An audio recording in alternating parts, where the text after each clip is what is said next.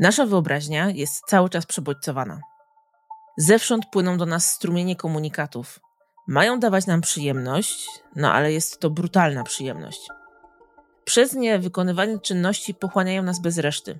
Tracimy poczucie czasu, ale nie ma w tym żadnego wysiłku. To taki hipnotyczny trans scrollowania. Jest w tym też coś uzależniającego. Taki rodzaj pozyskiwania przyjemności to pewnego rodzaju fast food dla mózgu.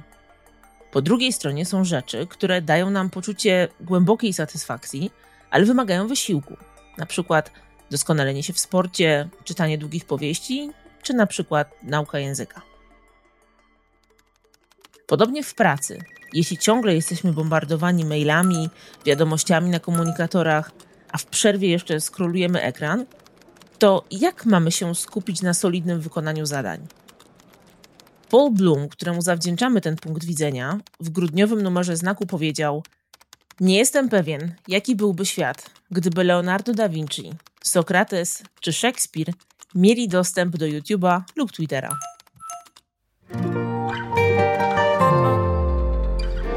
Powiedzmy wprost: każdy miewa trudne momenty. Co robić, żeby sobie z nimi poradzić? Let's talk about well-being. To podcast Capgemini Polska, a ja się nazywam Katarzyna Smuda. Facebook powstał w lutym 2004 roku, a polska wersja tego serwisu pojawiła się oficjalnie w 2008 roku. W 2012 Facebook ogłosił, że na całym świecie korzysta z niego miliard użytkowników. A w sierpniu 2019 w Polsce z Facebooka korzystało aż 42% wszystkich Polaków. Idąc dalej, w styczniu 2021 roku wśród wszystkich osób, które korzystają z internetu, z YouTube'a korzysta 92% osób, z Facebooka 89%, z Messengera 77%, z Instagrama 60%, no a potem cała reszta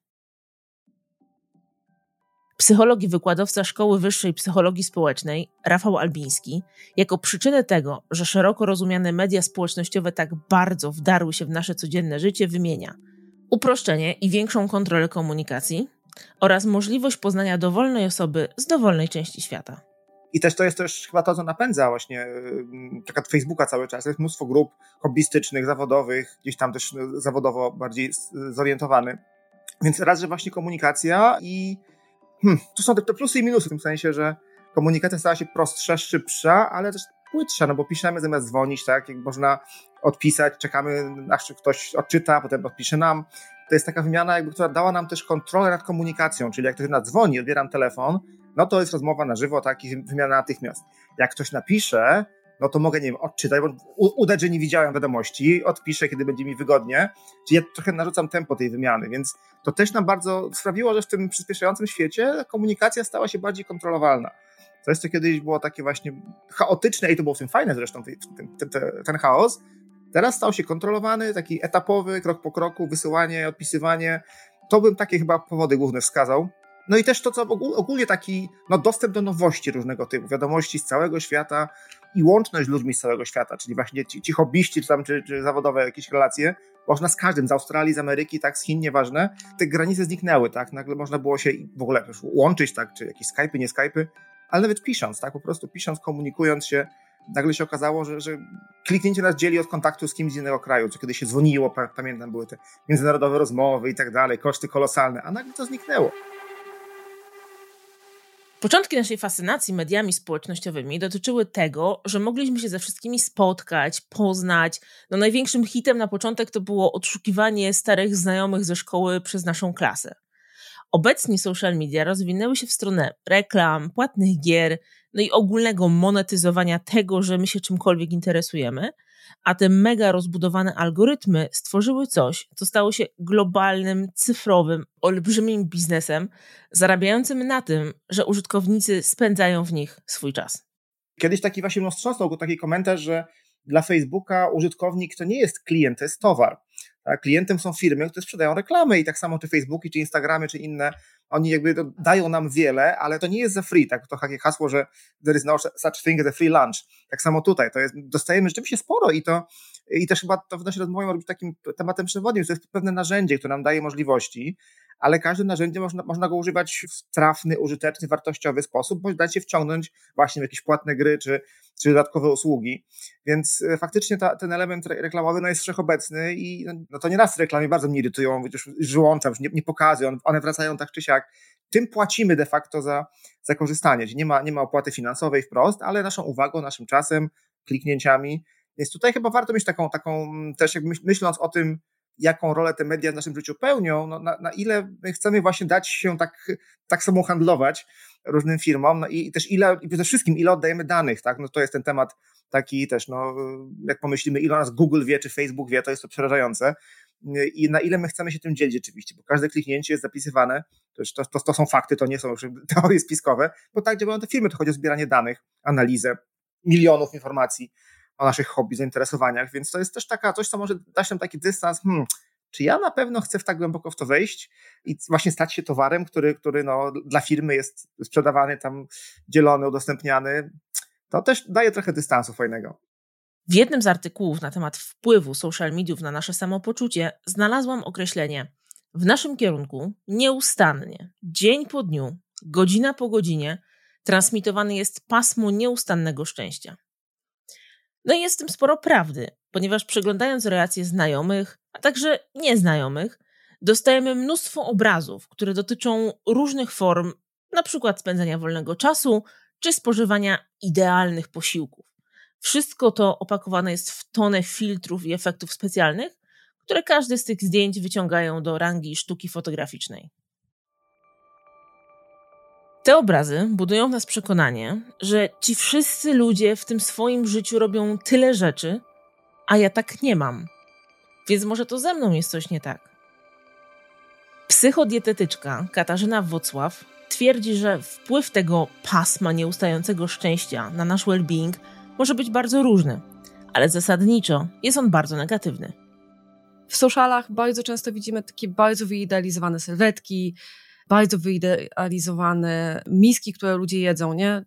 Jakieś, wiesz, wszystkie filmiki z cyklu hmm, to jest to, co jem w ciągu dnia, nie? I widzisz laskę, która, albo chłopaka, który zaczyna dzień od zielonego smoothie z biojałmurzu, na obiad je odrobinkę ryżu, warzywka i, i kurczaczka, o, oczywiście, oczywiście bez tłuszczu, nie? I tak dalej. I ty sobie budujesz tą taką myśl w głowie, że jak też się tak będziesz odżywiać, to będziesz miała taką sylwetkę, nie?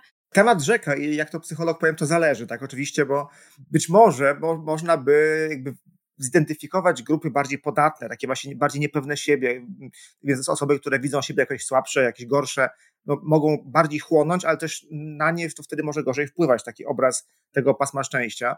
U osób, które są tak bardziej pewne siebie, to szczęśliwe, no to pewnie tak trochę jak po kaczce spłynie, tak, zazwyczaj. Chociaż, no pytanie właśnie, czy jak tego by było, nie wiem, 100, 200, 300 takich komunikatów, czy taka z tyłu głowy się nie pojawi, że a czemu ja tak nie robię, to niby mam takie fajne życie, ale ten tu pojechał gdzieś tam. Dodatkowo, w czym social media jeszcze nie pomagają, to jest to, że my widzimy co do zasady ładnych ludzi, którzy nam pokazują swoje sukcesy. Nie, no bo mało jest skąd i na szczęście coraz więcej, ale mało jest osób, które pokazują te takie słabsze dni, nie? Pokażą się bez makijażu, bez filtra. Więc co widzisz? Widzisz wysoce przefiltrowaną osobę z wysoce przefiltrowanym kontentem, która ci pokazuje, wiesz, jakie jej życie jest e, fantastyczne i super, gdzie tak naprawdę, wiesz, widzisz trzy minuty, a ty patrzysz później na siebie w lustrze i mówisz, może jak schudnę te trzy kilo, to też pojadę w taką podróż, nie wiem, na Bali na miesiąc i będę mogła gdzieś pojechać. Nie, więc e, zasadniczo dosyć, dosyć słabo. Osobiście jestem zwolenniczką takiej postawy, którą można by określić pochwałą nudnej codzienności, jakiego bycia zwykłym. Martyna Wojciechowska często to podkreśla jako bycie good enough. I to jest dokładnie to. Z drugiej strony widzimy celebrytów, aktorów, czy po prostu osoby znane, które wrzucają w sociale zdjęcia, na których pokazują swoje boskie ciało nad basenem z jakimś produktem do sprzedania, a zdjęcie oczywiście jest zrobione tak niby przypadkiem. Tak naprawdę pewnie za tym stoi wiele godzin przygotowania, często lata wyrzeczeń, ciężkiej pracy, no a także sztab ludzi, który, którzy na tym pracują. O czym już wspomniani celebryci nie mówią, i dla mnie ten poziom fałszu jest po prostu nie do zaakceptowania. Kto z normalnie pracujących ludzi z rodzinami no miałby czas spędzać regularnie ileś godzin, bo to już jakby godzinka wystarczy na taką fajną, fajny wygląd, tak, codziennie, czy w tygodniu, ale taki już, taki instagramowy, no to pewnie ileś godzin dziennie treningu, plus odżywiania, plus pilnowania, to jest rzeczywiście praca na pełen etat. I to się nam sprzedaje jako, że to jest, o, tak po prostu można.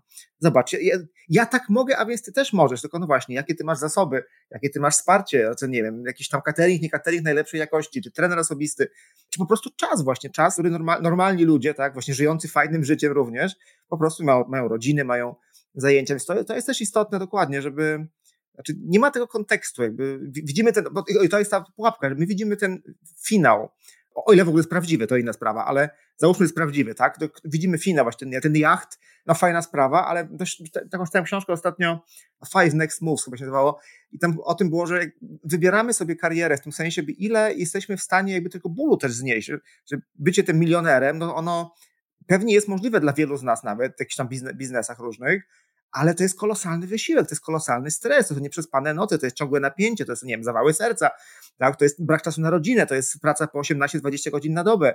I jak ktoś to kupuje z całym tym pakietem, to super, tak? to, to mu pasuje, to proszę bardzo. Ale my byśmy, chcielibyśmy właśnie na bazie Instagramów i innych fajnych zdjęć, jakby ominąć tę część ciężkiej pracy 18 godzin na dobę ja już ten jak poproszę, bo jest taki fajny, bo ten, ten apartament nad morzem, bo to widzimy, tak, a nie widzimy właśnie u tych osób, u, u, tych, które pokazują prawdę o sobie, tak, nie widzimy tych lat ciężkiej pracy przypłaconych często wielkimi innymi kosztami, jakby właśnie osobo, osobistymi, rodzinnymi, zdrowotnymi, tego nie widać. I weź pod uwagę jeszcze, że ciało pracuje, nie? Więc jak ta influencerka sobie siedzi nad tym basenem, widzisz, jak ona ma taką ładną klepsydrę, bo na przykład zdjęcie jest z tyłu, to słońce pięknie pada, tak naprawdę to, jak ty ułożysz swoje ciało, ma duży wpływ. I to, że na przykład nie widzisz celulitu na tym zdjęciu tej dziewczyny, to nie jest wynik tego, że ona tego celulitu nie ma, bo tak naprawdę większość osób go ma, tylko albo tak ułożyła ciało, albo narzuciła jeszcze sobie filtr photoshopowy, albo nie wiem, cokolwiek innego i wymazała sobie rzeczy, które jej się nie podobały, nie? Więc tak jak mówisz, że ty usiądziesz przed tym lustrem swoim w domu, nie masz wiedzy, jak ułożyć swoje ciało tak, żeby, nie wiem, udo było ładnie napięte, a paluszki wyglądały na palce jak u baleriny, to nigdy to nie będzie tak ładnie wyglądało, nie? To też taka ciekawostka, pewnie, pewnie słyszałeś, że są takie w Stanach firmy wynajmujące samoloty. Na, samolot stoi na, na lotnisku, tak? Przyjeżdża Instagramer, wchodzi, robi sobie sesję zdjęciową i wychodzi, tak? To nie jest jego samolot, o czym zapomina wspomnieć e, w swoich oczywiście przekazach, ale to też jest biznes tej chwili, czy samochody się wynajmuje pod takie różne przekazy.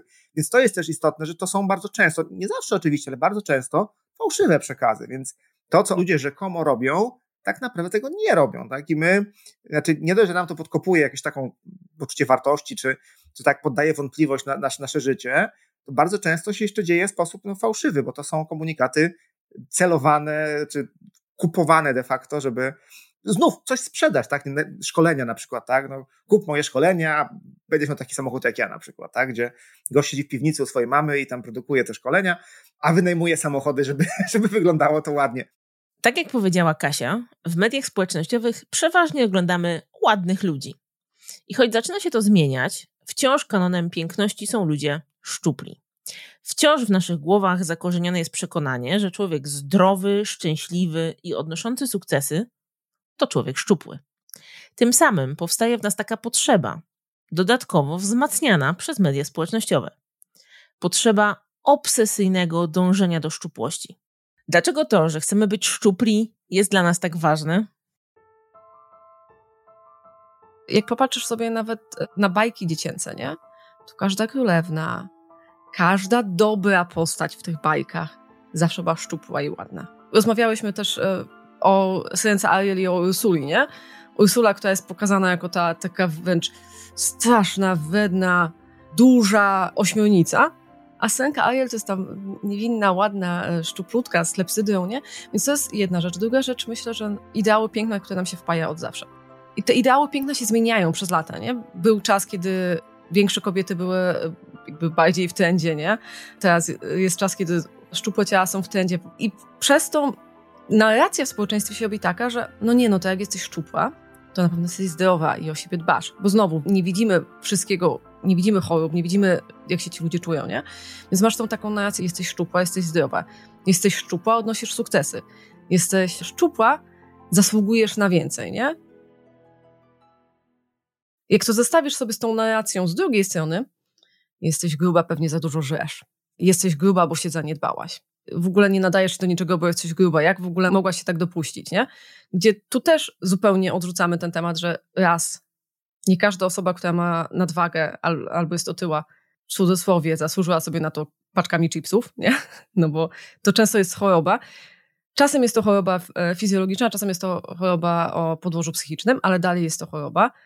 Zupełnie nie, e, nie patrzymy na temat, że otyłość jest chorobą, a nadwaga nie jest chorobą. To w ogóle jest po prostu stan. Co więcej, pojawiają się co jakiś czas badania, które mówią, że delikatna nadwaga może być nawet dla nas zdrowa. Bo na przykład lepiej śpimy, bo lepiej sobie radzimy z infekcjami. Ale o tym w ogóle się nie mówi, nie? Mówi się tylko o tym, że hej, jak jesteś szczupła, znaczy, że masz kontrolę nad swoim ciałem, masz kontrolę nad tym, co robisz, zasługujesz na więcej, jesteś dobra, nie? Bo to jesteś obiektywnie dobrym człowiekiem. Nie od dziś wiadomo, że w krajach demokratycznych mass media pełnią funkcję czwartej władzy, czyli kontrolują decyzje rządu, komentują rzeczywistość i kreują opinię publiczną. Media społecznościowe, jako nowocześniejszy element masowej komunikacji, idą nawet krok dalej. Nie tylko komentują to, co się dzieje na świecie, ale również same przyczyniają się do tworzenia nowych ruchów i trendów społecznych, często oznaczanych odpowiednimi hashtagami. Jednymi z dość mocno rozprzestrzeniających się w ostatnim czasie są hasztagi dotyczące ciało pozytywności i ciało neutralności. Oczywiście, jak to zwykle bywa z nowymi ideami, najczęściej okazują się niezrozumiane, a z tego powodu hejtowane. Ciało pozytywność podejście do ciała takie, że akceptujesz ciało, jakim jest i jesteś wdzięczna nie? za to ciało. Co nie znaczy, że nie chcesz z tym ciałem nic zrobić. Nie? Bo to, to, że coś akceptujesz, jesteś na przykład wdzięczna za to, że i doceniasz swoje ciało, nie? to nie znaczy, że nie chcesz na przykład schudnąć, albo to nie znaczy, że przestajesz chodzić na siłownię, jeśli na nią chodziłaś, albo nie zaczniesz jakiegoś wysiłku, nie? Ale po prostu znaczy docenianie swojego ciała, nie karanie swojego ciała, nie bycie przemocowym wobec swojego ciała, bo nie wiem, niewiele osób sobie zdaje z tego sprawę, że głodzenie też jest przemocą. A ciało neutralność jest podejście do ciała w sposób neutralny. Nie jesteś ani dobra, ani złe. Po prostu jesteś. Nie. Problem z ciałopozytywnością, czyli nie problem, ja uważam, że to nie jest problem, ale problem z ciałopozytywnością ogólnie w, w narracji jest taki, że wszyscy mówią, że to jest wymówka dla otyłych. Wymówka dla grubych. Że to jest e, propagowanie usprawiedliwianie e, otyłości, propagowanie grubości, nie? Wychwalanie tego, że bycie grubym czy bycie otyłym też jest fajne. I to jest coś, co mnie straszliwie denerwuje, bo jedyne o co w tym chodzi, to jest po prostu zaakceptuj swoje ciało, nie? Podejdź do niego z poziomu życzliwości, doceń, że ciało się zmienia, doceń to, że to, co robimy w ciągu dnia, nie? Nawet, nawet jak siedzisz cały dzień na tym tyłku, no to siedzisz na tyłku, nie? Nie siedzisz, nie, nie siedzisz w powietrzu, nie?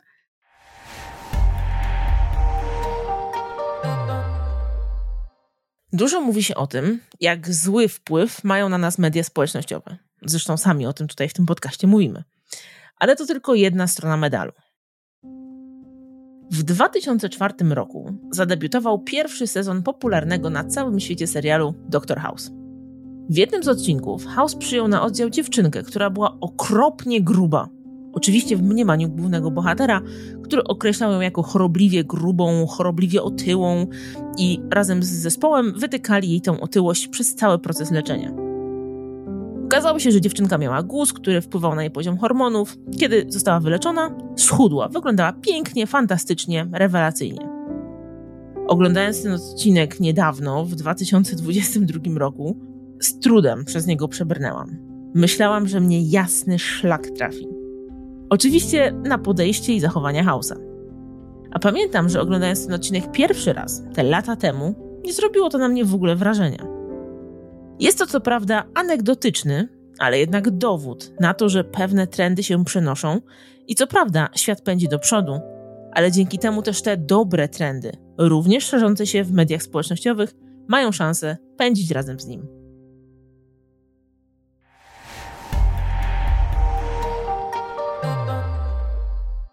Z mediów społecznościowych codziennie korzystamy my, dorośli, ale korzystają z nich i to chyba zdecydowanie bardziej intensywnie także nasze dzieci. Skoro nasze pociechy mają dostęp do internetu, w zasadzie od początku swojego życia, nie powinny mieć żadnych problemów z funkcjonowaniem w nich. No, na przykład takich, jakie my mieliśmy, kiedy ten świat cyfrowy dopiero powstawał. I chociaż z technicznego punktu widzenia jest to prawda, to pojawiają się psychologiczne wyzwania, które dla nas te kilkanaście lat temu nie były problemem. Na przykład Instagram zamówił badanie, z którego wyniknęło, że media społecznościowe wpływają dość znacząco na obniżoną samoocenę młodych użytkowników. Jak zatem powinniśmy pracować z naszymi młodszymi i starszymi dziećmi w kontekście przekazów, które płyną z social mediów? Jednym słowem rozmawiać, tak naprawdę chyba najważniejsza, jaką taka, taka może banalna się wydaje, ale być takim trochę tłumaczem tej rzeczywistości, bo dziecko po prostu nie rozumie. Znaczy, jak widzi tego, bo mówiliśmy o, o, tych, o tych samolotach, tak, wynajmowaniu, no dziecko jakby, no nie ma nawet szansy się tego dowiedzieć za bardzo, bo skąd się dowie, tak, że, że to jakiś ulubiony milioner osiemnastoletnik naprawdę właśnie mieszka tej małej w piwnicy, takiego wynajmuje samochód, żeby się ładnie nagrać. I oni to kupują bezkrytycznie, czyli oni, w sensie dzieci, tak, i, młodsze tym bardziej. To rzeczywiście jest takie wyzwanie dla rodziców kolosalne, bo kiedyś mówiło się, była rodzice i grupa rówieśnicza, tak, były takie dwa ze sobą się zmagające źródła wiedzy, tak nawyków, a dziś dochodzi internet, no i tam są bardzo różni ludzie, tak to po prostu, no wszystkie, wszyscy łącznie z wszystkimi skrajnościami, tak, i z jednej, z drugiej strony tego normalnego rozkładu, więc jakby jak no mamy pecha i tylko trafia taką osobę, no to to są bardzo silne komunikaty, przekonujące, z dużą pewnością przekazywane i dziecko nie potrafi tego odfiltrować, więc no tu oczywiście można dyskutować, na ile warto kontrolować ten social media, nie wiem, telefon dziecka, to już pewnie indywidualna kwestia różnych rodzin, ale głównie rozmowa z cyklu, co tam, co, co ty tam robisz, co oglądasz, czego słuchasz, dlaczego to dla ciebie ciekawe, co, co cię w tym interesuje, tak, bo też tam były takie badania, coraz więcej młodych osób chce być właśnie influencerem, tak, więc pytamy, a dlaczego? Bo to jakby można, znaczy może być świetna rola, nie wiem, właśnie edukowanie na zdrowiu psychicznym, tak, to nie, my tak kojarzymy te samochody i samoloty, ale są influencerzy, nie wiem, właśnie, no też coś tam pewnie sprzedający, ale edukujący przy okazji bardzo, bardzo dużo. To nie musi być złe, natomiast głównie ta rozmowa, tak mówię, banalnie, ale, ale być ciekawym, co to dziecko wyłapuje z tej, tej, tej sieci, dlaczego to, a nie coś innego, co go interesuje, właśnie kim by chciał być w związku z tym przyszłości. Raczej no, nie polecam takiego e, strażnika więziennego, co tam oglądasz, pokaż telefon, bo takie mamy czasy, no to chyba, chyba nie ma co się kopać z koniem, to jednak już są, są pewne, pewne dzieci no, komunikują się na, na messengerach, na Discordach, tak, te serwery Discorda w tej chwili są bardzo popularne i tam mają swoje, swoje światy klasowe, tak szkolne, więc no, odcięcie dziecka od tego pewnie zrobi więcej szkody niż, niż pożytku. Banalnie, ale, ale cierpliwa, spokojna rozmowa, ale też nie, nie z pozycji takiego wszechwiedzącego, tylko partnera ciekawego, co tak Cię interesuje w tym, co oglądasz? Czemu ten, czemu ta influencerka? Dlaczego? A co z tego, co przekazują dla Ciebie jest ważne? Jedną z najpoważniejszych rzeczy, z którą w internecie zmagamy się wszyscy, niezależnie od wieku, płci, poglądów, jest zjawisko hejtu. Każdego dnia o dowolnej porze, klikając pierwszą lepszą publikację w mediach społecznościowych, możemy być pewni, że w komentarzach wyleje się fala negatywnych określeń, wyzwisk, złości, wrogości i nienawiści. Jednym z powodów takich zachowań jest złudne poczucie anonimowości, bo tak naprawdę w sieci nikt nie jest anonimowy. Ale jednak zdecydowanie łatwiej jest napisać w komentarzu kilka obraźliwych słów, niż zrobić to w świecie rzeczywistym. Niestety, aktualnie nie mamy zbyt wielu mechanizmów, które byłyby w stanie, jeśli nawet nie zatrzymać, to chociaż znacząco ograniczyć hejt w internecie. Jest wiele kampanii takich, żeby, no, które uczą do, dobrej komunikacji, jak, jak polepszyć tą komunikację w sensie, żeby nie wiem, no, zniechęcić do, do hejtowania. I to do pewnego stopnia działa, ale mi się wydaje, że tak naprawdę na dłuższą metę, patrząc po stoisku, bardzo lubię, lubię stoików, to jest takie, żeby jakby uczyć się samemu to ignorować po prostu, tak, że ktoś nas może obrazić tylko wtedy, kiedy na to pozwolimy. Tak? Może nas wyzywać od stóp do głów, a powiemy, pff, i co z tego? Znaczy, niech sobie mówi, tak? I nic to nam nie zrobi zupełnie. Więc ja bym nawet właśnie, szczególnie do, do młodzieży, która ofiarą hejtu może się stać, też w tym kierunku, jakby naucz się to traktować jak taki szum trochę, tak? No ludzie są dziwni, mają prawo pisać co chcą, niestety. Też mogą właśnie ponieść konsekwencje, bo na ich oczywiście, nie, na policję czy gdziekolwiek, ale tylko wtedy ci to zaboli, no bo tak pozwoli, żeby to się zabolało brzmi banalnie, ale jest to proces, tak? To jest jakby też długa, długa nauka takiego uniku, trochę takiego judo, tak? Coś tam coś robi, tak przerzucamy ten, tę obelgę e, i po prostu nie reagujemy, tak? I mówimy, o Boże, no, no są tacy ludzie, no jakby po co mam się tym przejmować, tak oczywiście. Przede wszystkim, wiesz, no jak czytasz te komentarze o sobie, to to na pewno jest trudne, nie? I ja zawsze, jak widzę takie komentarze, to sobie myślę, a mogłeś nic nie powiedzieć. Nie, bo mnie na przykład fascynuje to, że ktoś bierze swoją energię, bo to wymaga energii, nie? Klikasz, napisz komentarz. Wymyślasz ten komentarz, więc spalasz energię w swoim mózgu. Klikasz paluszkami, żeby napisać coś niemiłego. Nie? a, a, mogłeś nic nie powiedzieć. Natomiast nie jestem certyfikowaną psycholożką, więc ciężko mi, mi powiedzieć, chyba nie ma jakichś sposobów, które działają na wszystkich, ale ja po prostu tak po ludzku sobie myślę, że ktoś jest bardzo smutnym człowiekiem i to, co mówi, to świadczy o nim i o, o fobiach i w ogóle problemach tej osoby w stosunku do siebie, a nie do mnie. Staram się odgodzić, wiesz co, ten feedback od siebie, głównie dlatego, że wiesz, każdy ma prawo mieć swoją opinię. Znowu, nie uważam, że to jest spokojnie ją wokalizować w taki sposób, bardzo proszę nie, ale no to jest twoja opinia, nie wiem jakie masz oczekiwania, nie? A dwa, i to mi pomaga, chociaż to jest takie złośliwe w stosunku do tej osoby, może nie powinnoś tak mówić, nie? Ale, że hej, jak już zdecydowałeś spalić swoją energię na mnie, to znaczy, że ten temat musi cię boleć. Więc bardzo mi przykro, że to cię tak bardzo boli, nie? I to odwracam to zupełnie, a, a już abstrahując od tego, że w ogóle nie komentuję tych, e, jak mi się zdarza dostać hejterski komentarz, to w ogóle tego nie komentuję, bo stwierdzam, że z teoriami się nie dyskutuje i nie ma po co.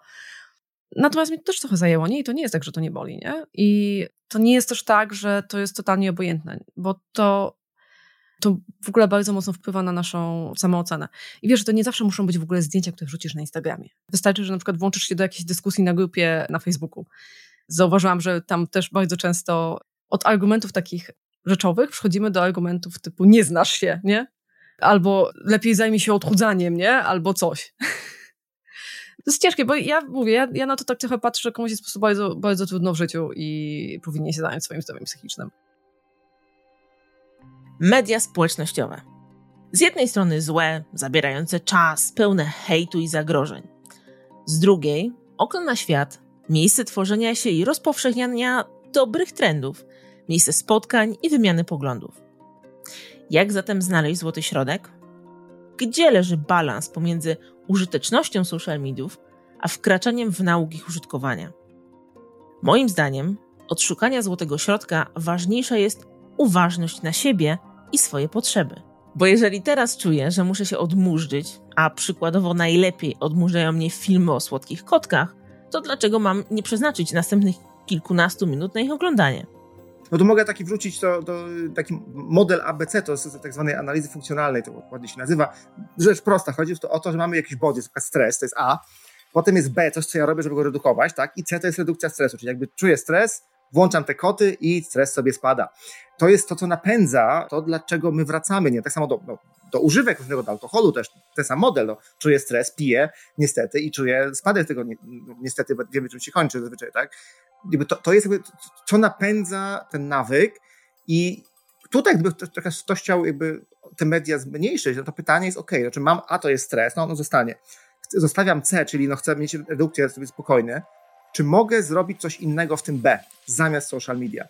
Pójść na spacer, napić się herbaty, bo, bo znów mogę postanowić, że tak, dzisiaj właśnie pół godziny i sobie włączyć timer, a mogę sobie, ok, skoro chcę się uspokoić, tak, chcę mieć relaks, to nie wiem, gorąca kąpiel, czy właśnie krótki spacer, czy zabawa z dzieckiem, zabawa z psem, cokolwiek, cokolwiek innego niż social media, czyli podmieniamy to B, tak, na, na nim pracujemy, czyli czynność, którą wykonujemy.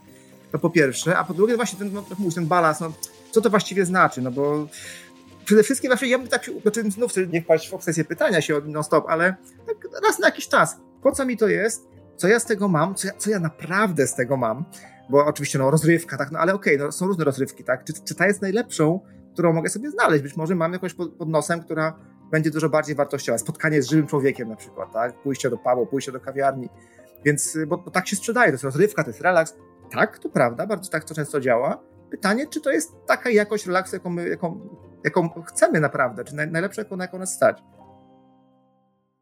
W ogóle coś, co Zetki robią świetnie, bo to jest generacja ta, która przyszła po nas, to Zetki w ogóle mówią, a, nie chcę być na Instagramie, wkurzył mnie, odinstaluję na miesiąc, nie? A jestem się, wow! To zawsze jest taka ewolucja, nie? Ale trochę Zetki wzięły to, co myśmy tam sobie stworzyli z, z well-beingiem, mental healthem i idą dalej z tym i są w ogóle takie, wiesz, non-apologetic, jak się mówi to ładnie po angielsku. No nie, no wkurza mnie, to dobra, to wyłączę, nie? Odinstaluję. Więc na pewno umiar i kontrola jest ważna. Ja bardzo lubię w ogóle tą kontrolę rodzicielską. Jeszcze teraz akurat się na iPhone'a przeniosłam, ale w Androidzie pamiętam, jak ten timer ci już, już zbliżał, to ta ikonka była taka szara i mało, mało śmieszna i telefon też już był mniej e, ciekawy. Pandemia oraz home office niesamowicie przyspieszyły rozwój komunikacji zdalnej. Obecnie pracujemy z domu i jest nam tak wygodnie. Nie chcemy wracać do biur. Jest nam wygodnie, gdy nie musimy przechodzić całego porannego rytuału szykowania się do pracy czy przedzierania się przez miejskie korki jadąc do lub z pracy. I choć z początku wielu z nas miało opory, teraz czujemy się dobrze, komunikując się ze sobą tylko online. Jednak wielu z nas nie myśli o tym, jak wiele ważnych aspektów życia tracimy, gdy nie podejmujemy tego wysiłku wyjścia z domu i spotkania się z żywymi ludźmi. Człowiek jest społeczną istotą i jakby ja jakoś mam głęboką wiarę też po latach online, ostatnich nauki online, która jakoś tam chodzi rzeczywiście, to ciągle wierzę jednak w to, że spotkanie się w sali z studentami jest dużo lepsze, tak? Czy nawet z pacjentem terapii też wolę jednak na żywo niż, niż na online. Chociaż online dużo pozwala zrobić, ale, ale też wolę na żywo. Czyli no, może to nie jest jakoś łatwo mierzalne, ale właśnie powiedział, że jakość życia, że taką, taką szansę na budowę relacji międzyludzkich, ale też na samopoczucie. My się lepiej czujemy z innymi ludźmi na żywo, tak? W jednym pomieszczeniu, kiedy się widzimy, żeby dotknąć, tak? Jakby ta mimika jest na żywo, tak, a nie przez kamerkę. Tak, po prostu sobie zubażamy to nasze funkcjonowanie i to mówię, to może nie być tak prosto mierzalne, że tracimy tam 20% czegoś, nie, bo to pewnie, no takie są tendencje, żeby wszystko mierzyć, tak? Ale nie wszystko można zmierzyć, uważam, jakoś wiarygodnie, ale to jest takie po prostu uproszczenie za bardzo, zubożenie, uproszczenie, taka trochę niejakość się może wkraść czasem, tak? Więc jak była pandemia, były takie w pandemii e, spotkania, tam e, picie wina tak wspólnie na jakichś tam zoomach, czy okej, okay, to jak, skoro to była, był, to mus, no to okej, okay, to, ale jeżeli to zniknęło, no to już może nie róbmy tego, tak? Chociaż znów łatwiej zrobić tak, bo nie trzeba wyjść z domu, mogę być w tej piżamie czy w dresie, tak? Nie muszę nigdzie jechać. Więc to, to jest chyba ogólnie taka ta online, że wszystko jest na miejscu, wszystko jest w tym telefonie, to się mieści w ręku. Nie muszę się wysilać, nie muszę wychodzić, umawiać się, jechać kiedy się umawiałeś pod rotundą, tak, nie, o 12 sobotę, nie było telefonu, się było albo się nie było, tak, jakby nie było możliwości, ja jadę, jestem w korku, tak stoję, po prostu się było 12 pod rotundą, okej, okay, do zobaczenia, tak. Więc tak, też było takie zaufanie jakieś, tutaj no też telefon nam pozwala się łatwiej z czegoś wycofać, tak, no bo właśnie, oj, boli mnie głowa, oj, słuchaj, no nie dam rady, tak, już ktoś czeka na nas, czeka, ja piszę, oj, nie mogę, bo nie wiem, stoję w korku albo coś tam. Kiedyś po prostu trzeba było przyjść, padało, nie padało, czy dobrze, czy źle, umówiłem się, muszę pojechać. Więc to jest taka, tro, trochę takie wygodnictwo się może wkraść, więc też warto się pytać, czy ja tak chcę żyć. No, wygodne nie zawsze znaczy wartościowe, tak? I, I, szczególnie w przypadku internetu, social mediów, to jest szybkie, tanie, tak? Czyli trochę jesteśmy, jesteśmy właśnie towarem niestety, no ale to inna broszka. Szybkie, tanie, ale takie, jakby taki, nie wiem, taki fast food trochę, o, tak, dobra metafora, takiego fast foodu, który jest od ręki, y, jest tani, tak, ale coś tam daje niby, no, nie, nie umrzemy w sensie, że nas odżywia, ale to nie jest jakieś zdro, zdrowe odżywianie. To jest taka, taka, taki, taki jakbyśmy trochę żuli karton, tak, społecznie.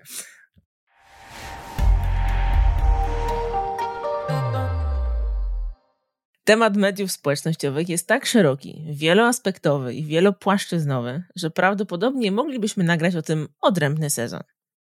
To, co moim zdaniem z rozmowy z Kasią i Rafałem jest najbardziej wartościowe, to po pierwsze, Facebook, Instagram czy Twitter to nie są darmowe aplikacje. Płacimy za nie naszym czasem, naszą uwagą, ale przede wszystkim informacjami na nasz temat, które pozwalają następnie dopasować reklamy.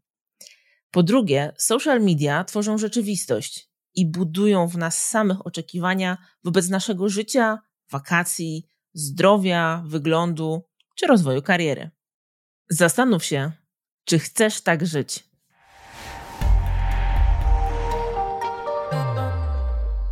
Jeśli temat social mediów jest Ci bliski i chcesz podrążyć go dalej, na końcu odcinka znajdziesz materiały polecane przez naszych dzisiejszych gości.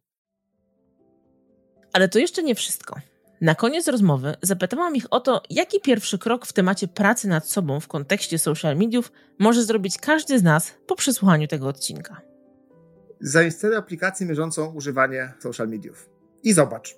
Zimny prysznic może być rzeczywiście zimny, ale warto zainstaluj, poczekaj tydzień, zobacz, co, co ci wyjdzie i wtedy się zapytaj, czy to jest to, czego ja chcę. I jak powiem, że tak, no to kontynuujmy. Jak powiem, że nie, to pytanie, co ja mogę z tym zrobić. Jak, i, gdybym chciał ściąć, to o ile, bo to nie musi do zera, bo to też pewna taka, no, czy to taka kara, tak? O, o 15, o 20%. Także to by oczywiście chyba, chyba dało jedno. A druga rzecz, no to zrób eksperyment, nie wiem, godzina bez smartfona, tak? Wyłącz do szuflady go, drania i idź na spacer, tak? I zobacz, jak się będziesz czuł.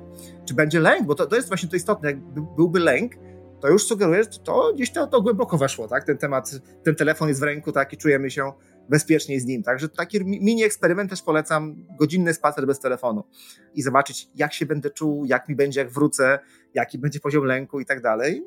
to nie będzie łatwe. Dla wielu z nas to jest takie właśnie, kurczę, ale jak to? Może, może go wyłączę, ale będę miał w kieszeni, tak? Ale, ale wyłączę, wyciszę. Do szuflady, czy tam, nie wiem, do, do, do szafki jakiejś i, i spacerek. Nawet półgodzinny, ale bez telefonu nigdzie, ani w kieszeni, ani w torbie, ani w plecaku, w domu. Wiesz, to tylko jedna rzecz, to jest taka trochę górnolotna, ale żeby, żeby warto posłuchać trochę siebie i, i tego, co, co nam mówi ciało i intuicja, bo łatwo się słucha podcastów i łatwo, wiesz, siedzi się w, i opowiada się na sucho, że ho, no bo wiesz, jak dostaję hejt, to robię tak, a jak zjem e, na czosy, to nic się nie stanie. A dużo trudniej jest to wcielić w życie i warto, warto to i wsłuchać się w siebie i dać, i po prostu być miłym dla siebie, nie? I życzliwym. Bo gdybyśmy wszyscy dla siebie samych byli bardziej życzliwi, to myślę, że świat byłby lepszym miejscem.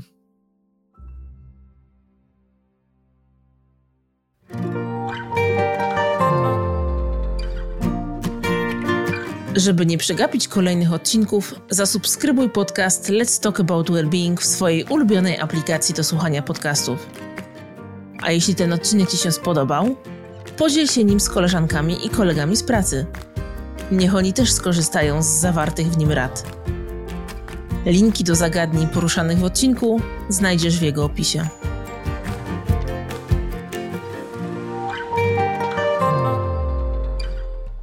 Nasi eksperci do dalszej edukacji polecają. Po pierwsze, książkę Adama Altera Uzależnienia 2.0 Dlaczego tak trudno się oprzeć nowym technologiom? Ja osobiście polecam oczywiście książkę Tomasza Stawiszyńskiego Reguły na czas chaosu. Oprócz tego chętnych odsyłam do książki Jamie'ego Barletta Ludzie przeciw technologii, jak internet zabija demokrację i jak możemy ją ocalić. Dla pasjonatów i bardzo chętnych polecam książkę Szoszany Zubow Wiek kapitalizmu inwigilacji Walka o przyszłość ludzkości na nowej granicy władzy. Mówię, że dla pasjonatów i bardzo zainteresowanych, ponieważ jest to monumentalne dzieło, ale naprawdę rewolucyjne i przełomowe.